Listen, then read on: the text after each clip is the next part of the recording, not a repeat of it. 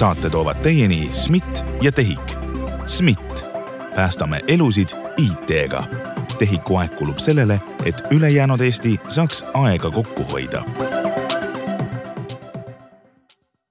tere, head kuulajad, kriitiline intsident on täna tagasi, et rääkida tõsistest kriitilistest asjadest ja ma näen, kuidas kohe stuudiokülaliste silmad läksid suureks, mis asja, mis kriitilised asjad.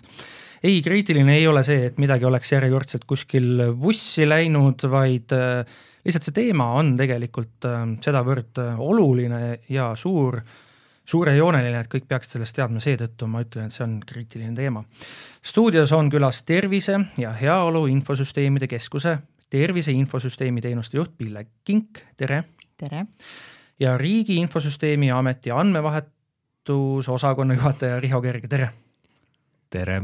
see minu hetk äh, sellist mõttepausi oli see, et teil on väga vahvad ja toredad ametinimetused, mida on mõneti võib-olla keeruline nimetada, aga las ta jääda siis äh, aga ma pole tegelikult öelnud, mis see teema on, aga ma arvan, et Riho ametinimetus andis meile väga suure vihje sellest, teemaks on andmejälg ja või siis andmetest äh, jälje mahajätmine riigi infosüsteemides.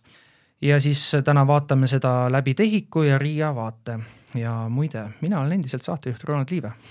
Aga veel enne, kui ma küsimuste juurde lähen, ma teen väikse põgusa sissejuhatuse, et et äh, võib-olla paljud ei tea, aga aeg-ajalt tehakse selliseid välisajakirjanikele reise Eestisse kus neile tutvustatakse, kui uhke ja vahva ja tore e-Eesti on ja mis kõik meil siin on, on olemas ja kasutusel. kõik need äh, digilood, digiallkirjad e, e-valimised ja nii edasi ja nii edasi. Neid selliseid üritusi on aastaid-aastaid korraldatud ja hiljuti, no nüüd ütleme juba, et kuu aega tagasi toimus üks järjekordne.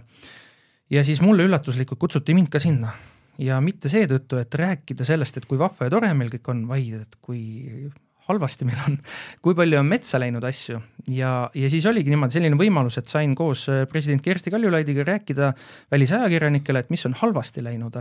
ja, ja muide, ürituse korraldajad ise kasutasid veel natukene äh, ropumat väljendit äh,, ingliskeelset väljendit, et mis on nii-öelda halvasti läinud aga kes on sellest huvitatud, küll leiab üles ka selle kohta natukene infot. aga üks asi, mida mina seal tõin neile ajakirjanikele välja, oli see, et, et teate, et meil räägitakse kogu aeg need tavalised üritused, mis on, et igast asjast jääb alati igale poole jälg maha. siis ma rääkisin neile Pere Sihtkapitali sellest kaasusest, et no näete, ikka alati ei jää jälge maha ja siis on veel neid olukordi olnud, kus on tulnud välja, et alati ei jää jälge maha, eks kõik ei ole tegelikult nii roosiline. nüüd ma kasutakski seda võimalust, Pille alustuseks küsiks teie käest, et TEHIK-u vaatest, kas siis on niimoodi, et terviseandmetega seonduvalt alati igal igale poole või kuskile, siis jääb see jälg maha, kes on minu andmeid vaadanud, mis põhjusel ta on vaadanud, mis kellaaeg, mis kuupäev ja nii edasi, kõike seda. jah, see jälg jääb maha ja see jälg jääb maha tervise infosüsteemis endas ja samas jäävad need jäljed maha tegelikult ka tervishoiuteenuse osutajate tarkvarades. vahe on siin lihtsalt see, et seda, mida on näiteks haigla või perearsti tarkvaras tehtud, seda iga päev kuskilt portaalist vaadata ei saa aga tervise infosüsteemi andmekasutust, andmete saatmist, vaatamisi arstide poolt, seda kõike saab tegelikult inimene patsiendiportaalist jälgida ja ka siis äh, RIA teenusest, mis on siis nimega andmejälgija. kas see ongi, et digiloos äh, tähendab, ma logisin enne ka saadet sisse, ma vaatasin, digiloos oli logiraamat, kas ja. see ongi nagu see teie mõttes see andmejälgija? jah, logiraamat, mitte just kõige parema nimega, olgem ausad, eks ju, aga logiraamat on tõesti siis see koht, kus saab vaadata logisid ja selle pealt siis andmete vaatamise ja mina ei öelnud seda, vaid teie ütlesite, et see nimi pole kõige parem, et kui meil on niimoodi, et üks riigimaja kasutab äh, andmejälge, teine kasutab logiraamat, natukene segadust tekitav on ju? on küll, aga eks siin on ka natukene oma ajalugu taga. Äh, tegelikult oli Tervise Infosüsteem riigis üks esimesi infosüsteeme, mis üldse võimaldas portaali vaheldusel inimestel vaadata, et äh, kes siis saadab ja kes on vaadanud nende andmeid, kes on kasutanud nende andmeid, sealhulgas inimene näeb ka enda vaatamisi et äh, millal ta ise siis on oma andmeid vaatamas käinud. Ja andmejälgija ei ole aastast kaks tuhat kaheksa vist, eks ju. Et, et see on see koht siis, et tollel hetkel ei leitud sellele heale lapsele paremat nimi, nime kui logiraamat. Äh, tegemisel on uus terviseportaal, millest me võib-olla räägime teinekord. et loodame siis, et seal tuleb parem nimi ja muide, sellest on juba siin saates räägitud ka, aga tõesti, kuna meil see aeg, millal see portaal, uus terviseportaal hakkab valmima, siis oleks vist tõesti paslik uuesti ka rääkida. aga Riho, millal siis andmejälg ja Riigi Infosüsteemi Ameti vaates äh, alguse sai?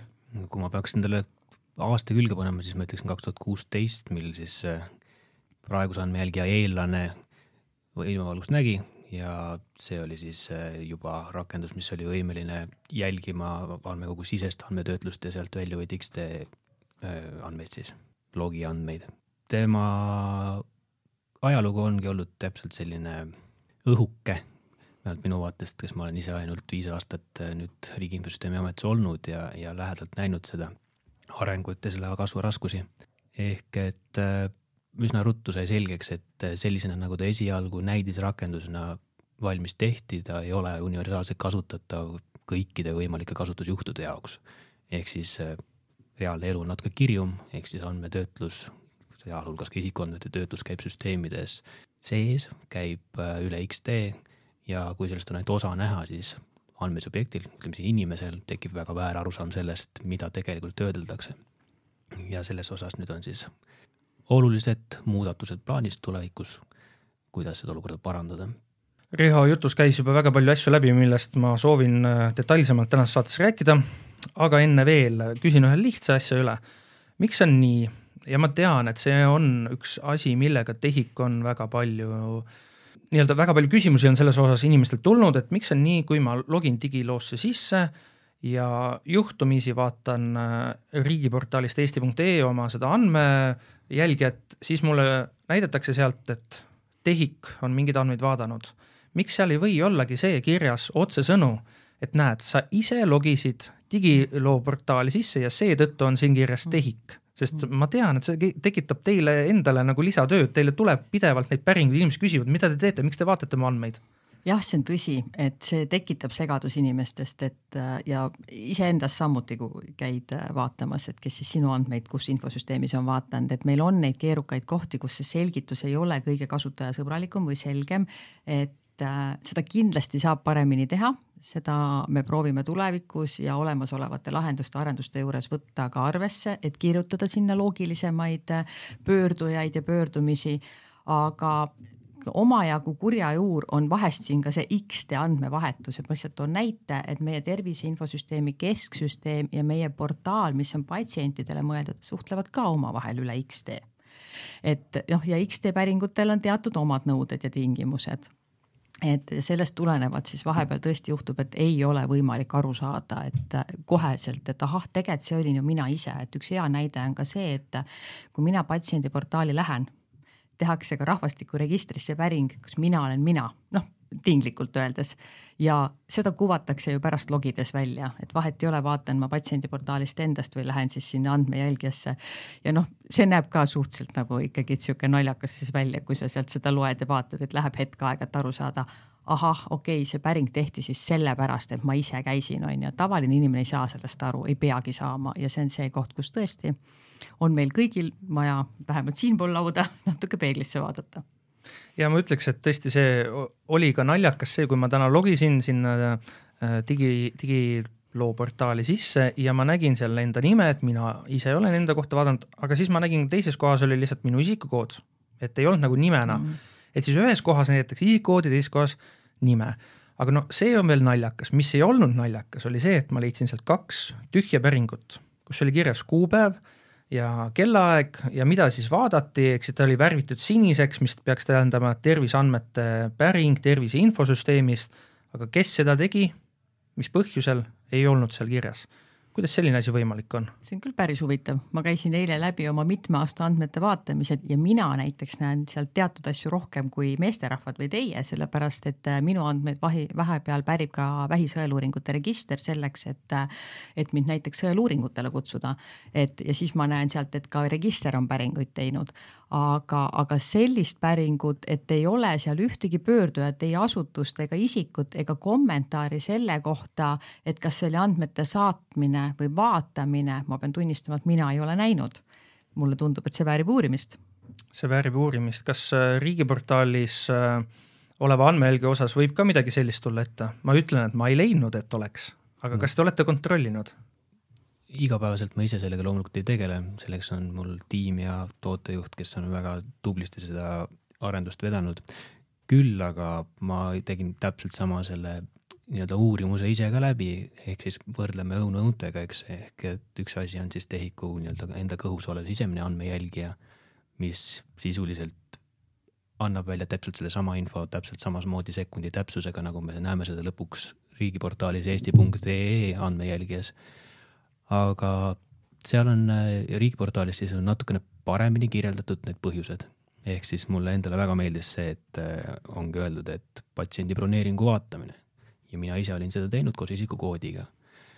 ehk et äh, see on üks koht, kus me saame päris kindlasti koostöös partneritega parandada andmejälgija protokolli ehk siis seda ettekirjutust selle kohta, kuidas peaks rakendama andmejälgijat.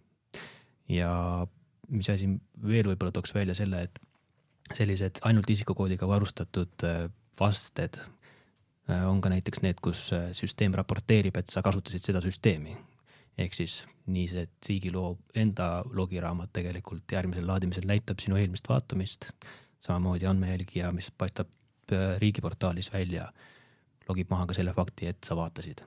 üks asi, mis ma veel nägin sealt digiloost, oli see, et et kõik sellised tavapärased perearsti juures käigud, kõik sellised on kirjas, see on loogiline, iga kuupäeva kohta ma leidsin ka, et nagu okei okay,, et see on arusaadav, arusaadav ja et mis seal kõik võis olla, aga siis ma nägin, et ühe hooldekodu töötaja on ka vaadanud siis minu immuniseerimispassi andmeid, mina olen hetkel veel selles õnnelikus eas, et hooldekodusse, ühtegi hooldekodusse ma sisse kirjutatud ei ole, ükski minu lähedane ka ei ole, on see siis hea või halb, see on igaühe enda otsustada, aga ühesõnaga ühtegi nagu reaalset kokkupuudet mul ühegi hooldekoduga ei ole.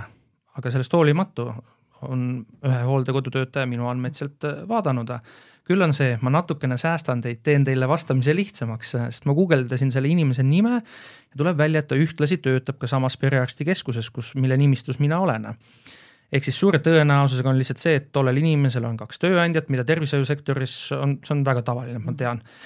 Et on kaks, kaks tööandjat, aga mille järgi siis otsustatakse, et kumba tööandja nime seal näidata, et mille alt see päring on tehtud, kas tal on tegelikult sisse logides on võimalus nagu valida, kumba tööandja poolt ma siis sisse login? selles mõttes, et ma olen päris kindel, et perearstikeskusel ja hoolekandeasutusel on erinevad tarkvarad.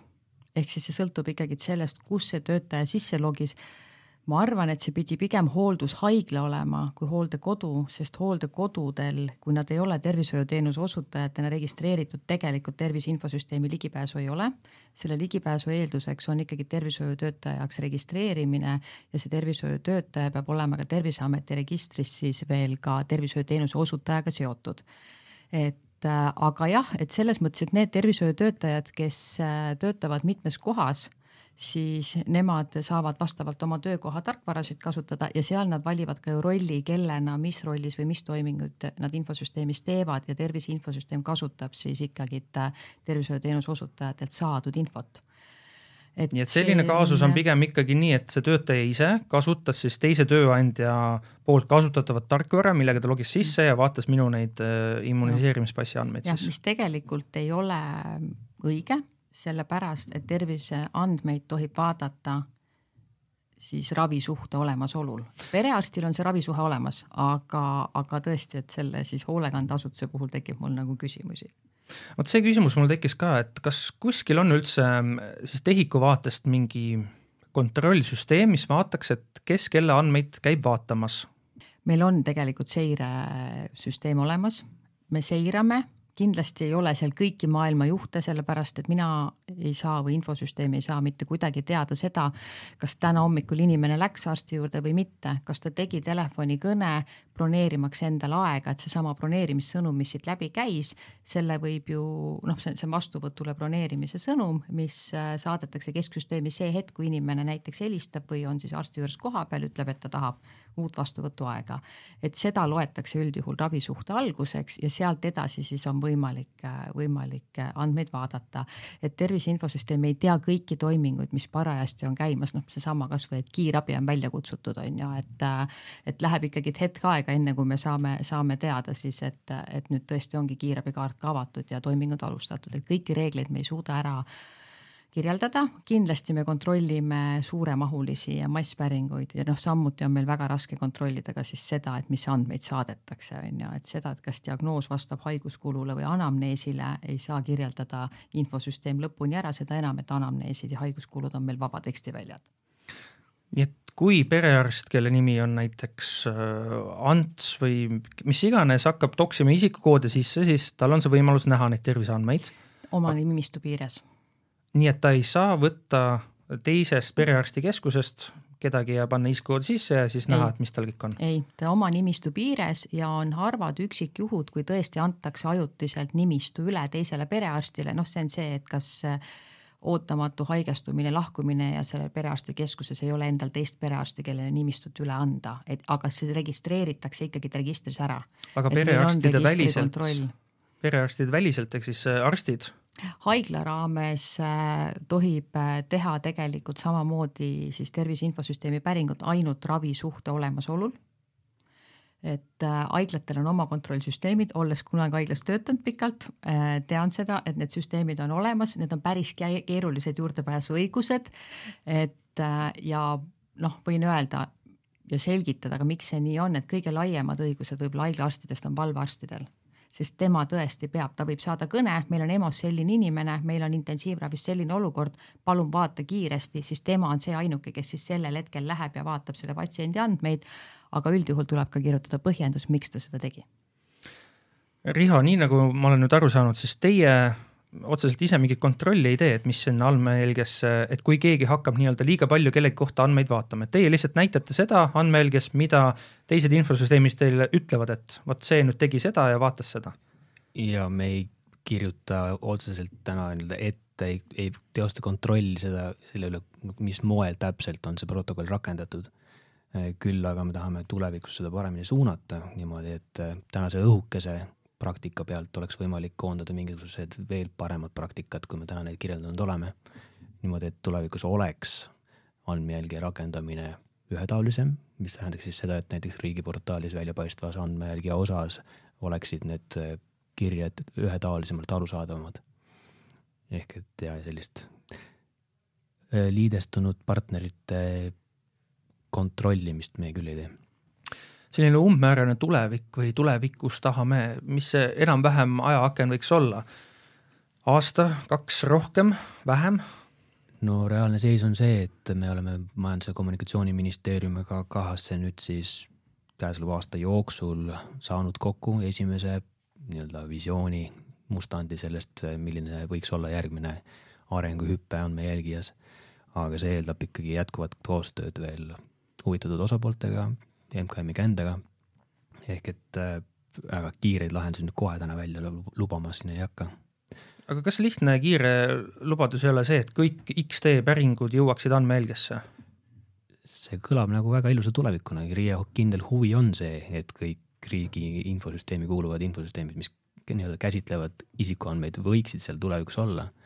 aga me näeme seda, kui vaevaline on partneritel noh, juhult äh, erinevalt, eks ole, äh, andmejälgija rakendamine, see sõltub nende ennast valmisolekust, olemasolevatest süsteemidest, sellest, äh, kas neil on omal arendusressurss, kas nad peavad selleks hankeid tegema.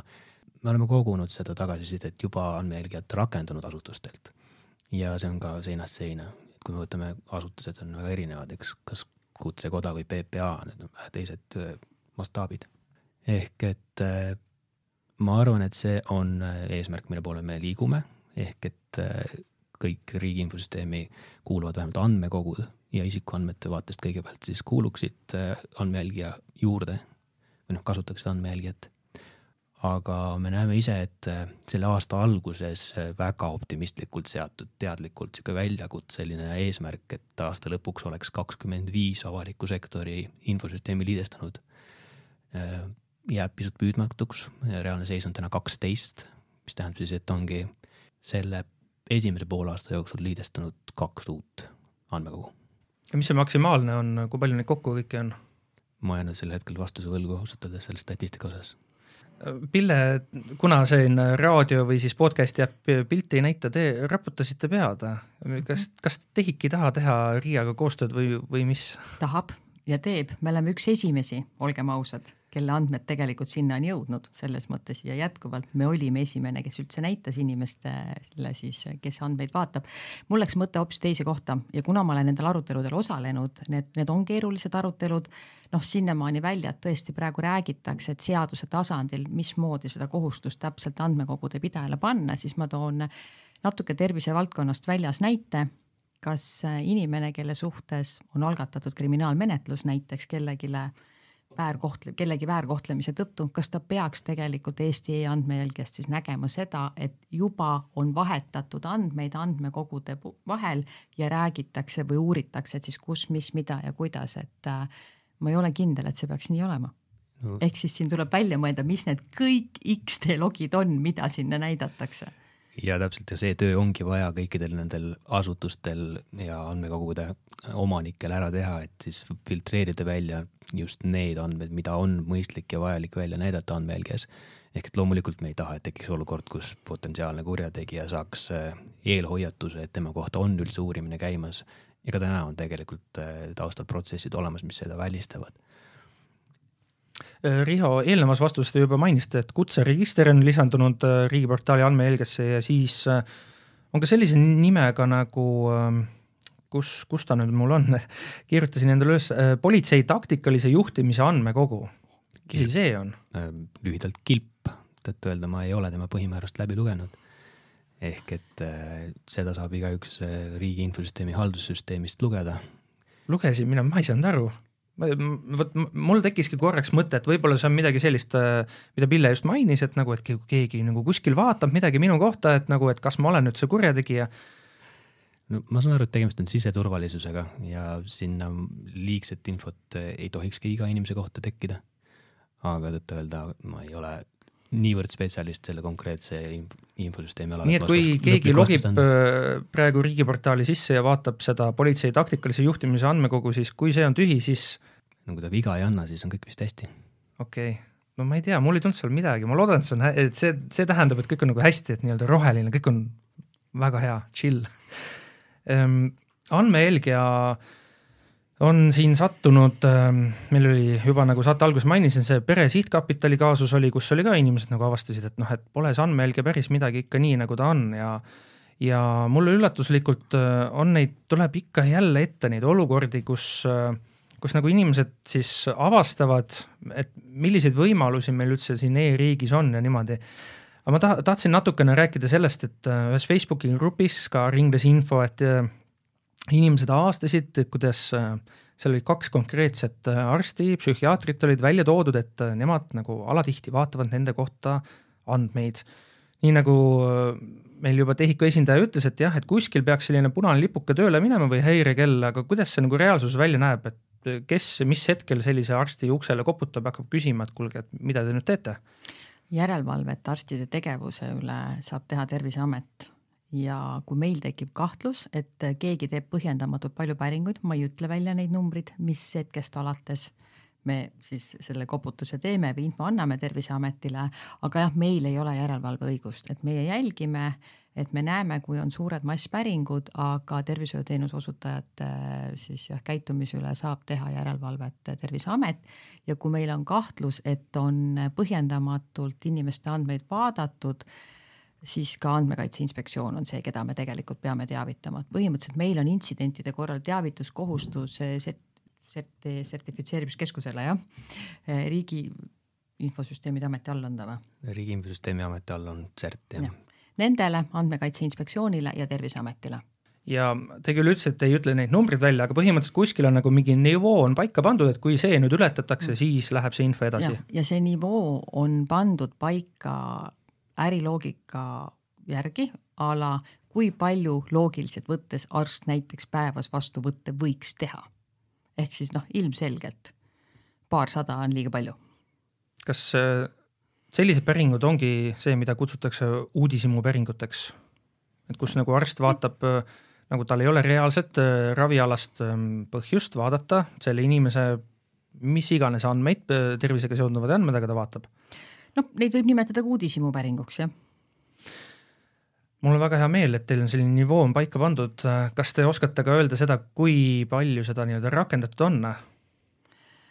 Äh, kahjuks ei oska, et mõned asjad on nii salajased, et isegi mina ei tea kõike.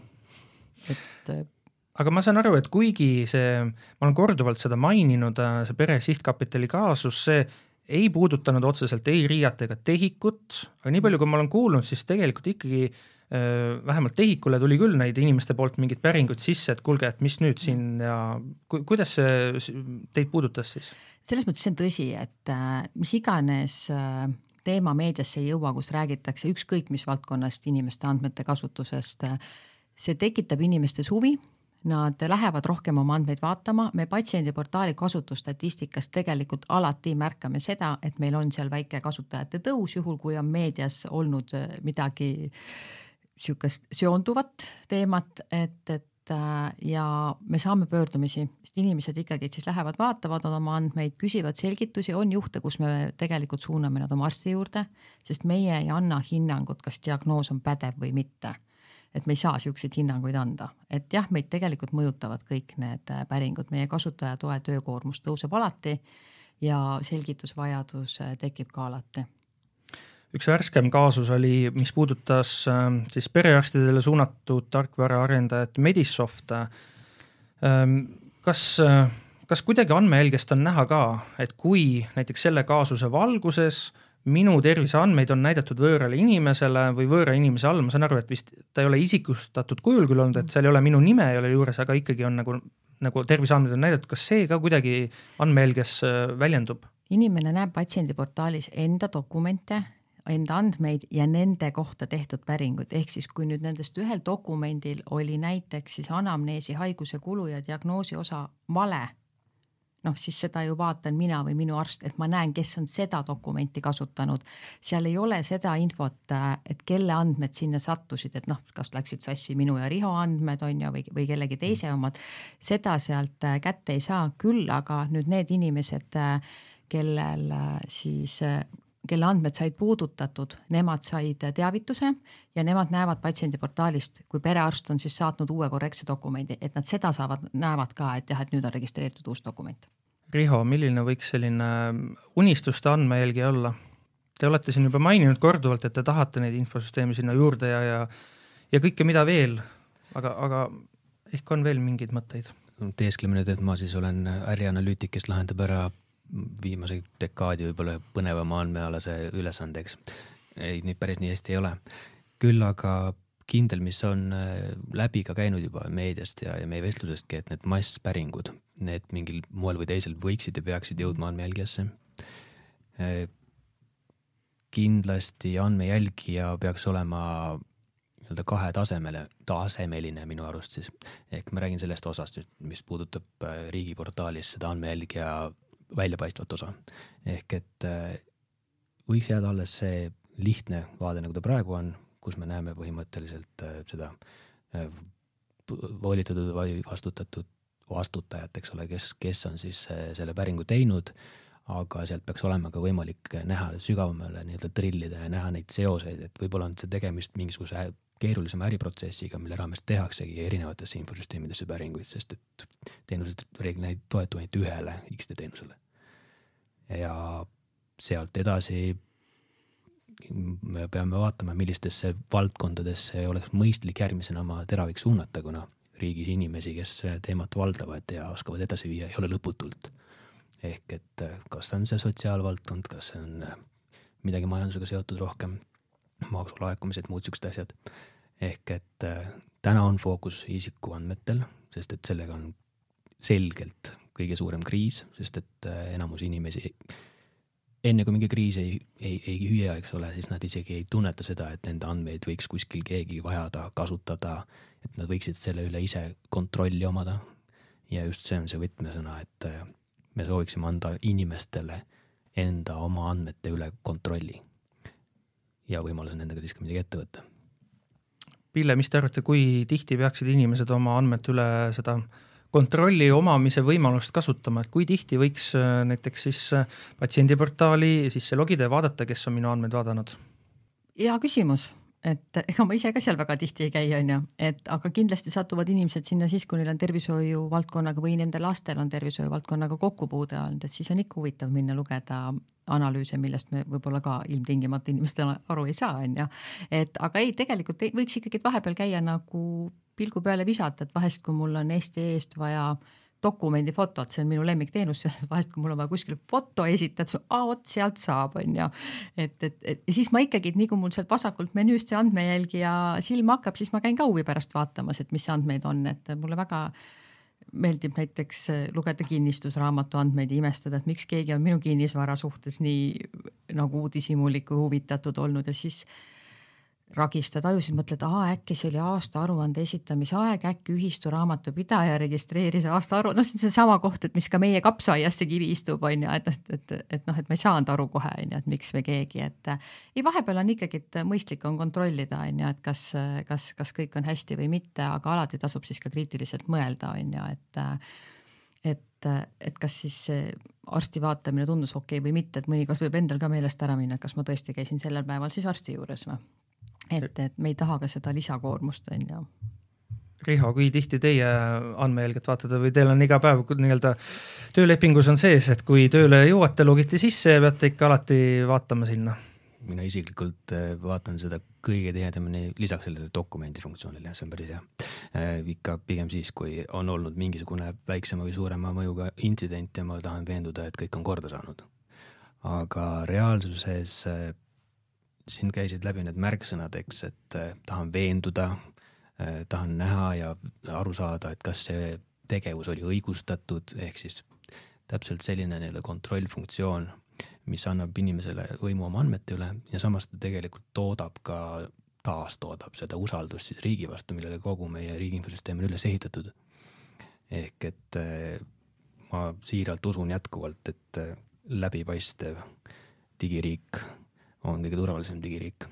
head kuulajad, tänu meie tänastele külalistele, kelleks olid TEHIK-u tervise infosüsteemi teenuste juht Pille Kink ja RIA andmevahetuse osakonna juhataja Riho Kerge, oleme nüüd tuhat korda targemad andmejälgi osas, et mida ja kuidas seal näidatakse ja mida seal võiks siis tulevikus ka tulla juurde suured tänud külalistele ja suured tänud kõigile kuulajatele ka. oli meeleolukas saade, mina olin saatejuht Ronald Liive ja kohtun teiega juba uuel nädalal.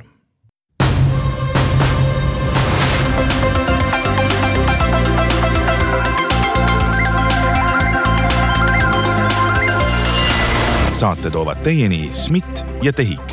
SMIT, päästame elusid IT-ga tehiku aeg kulub sellele, et ülejäänud Eesti saaks aega kokku hoida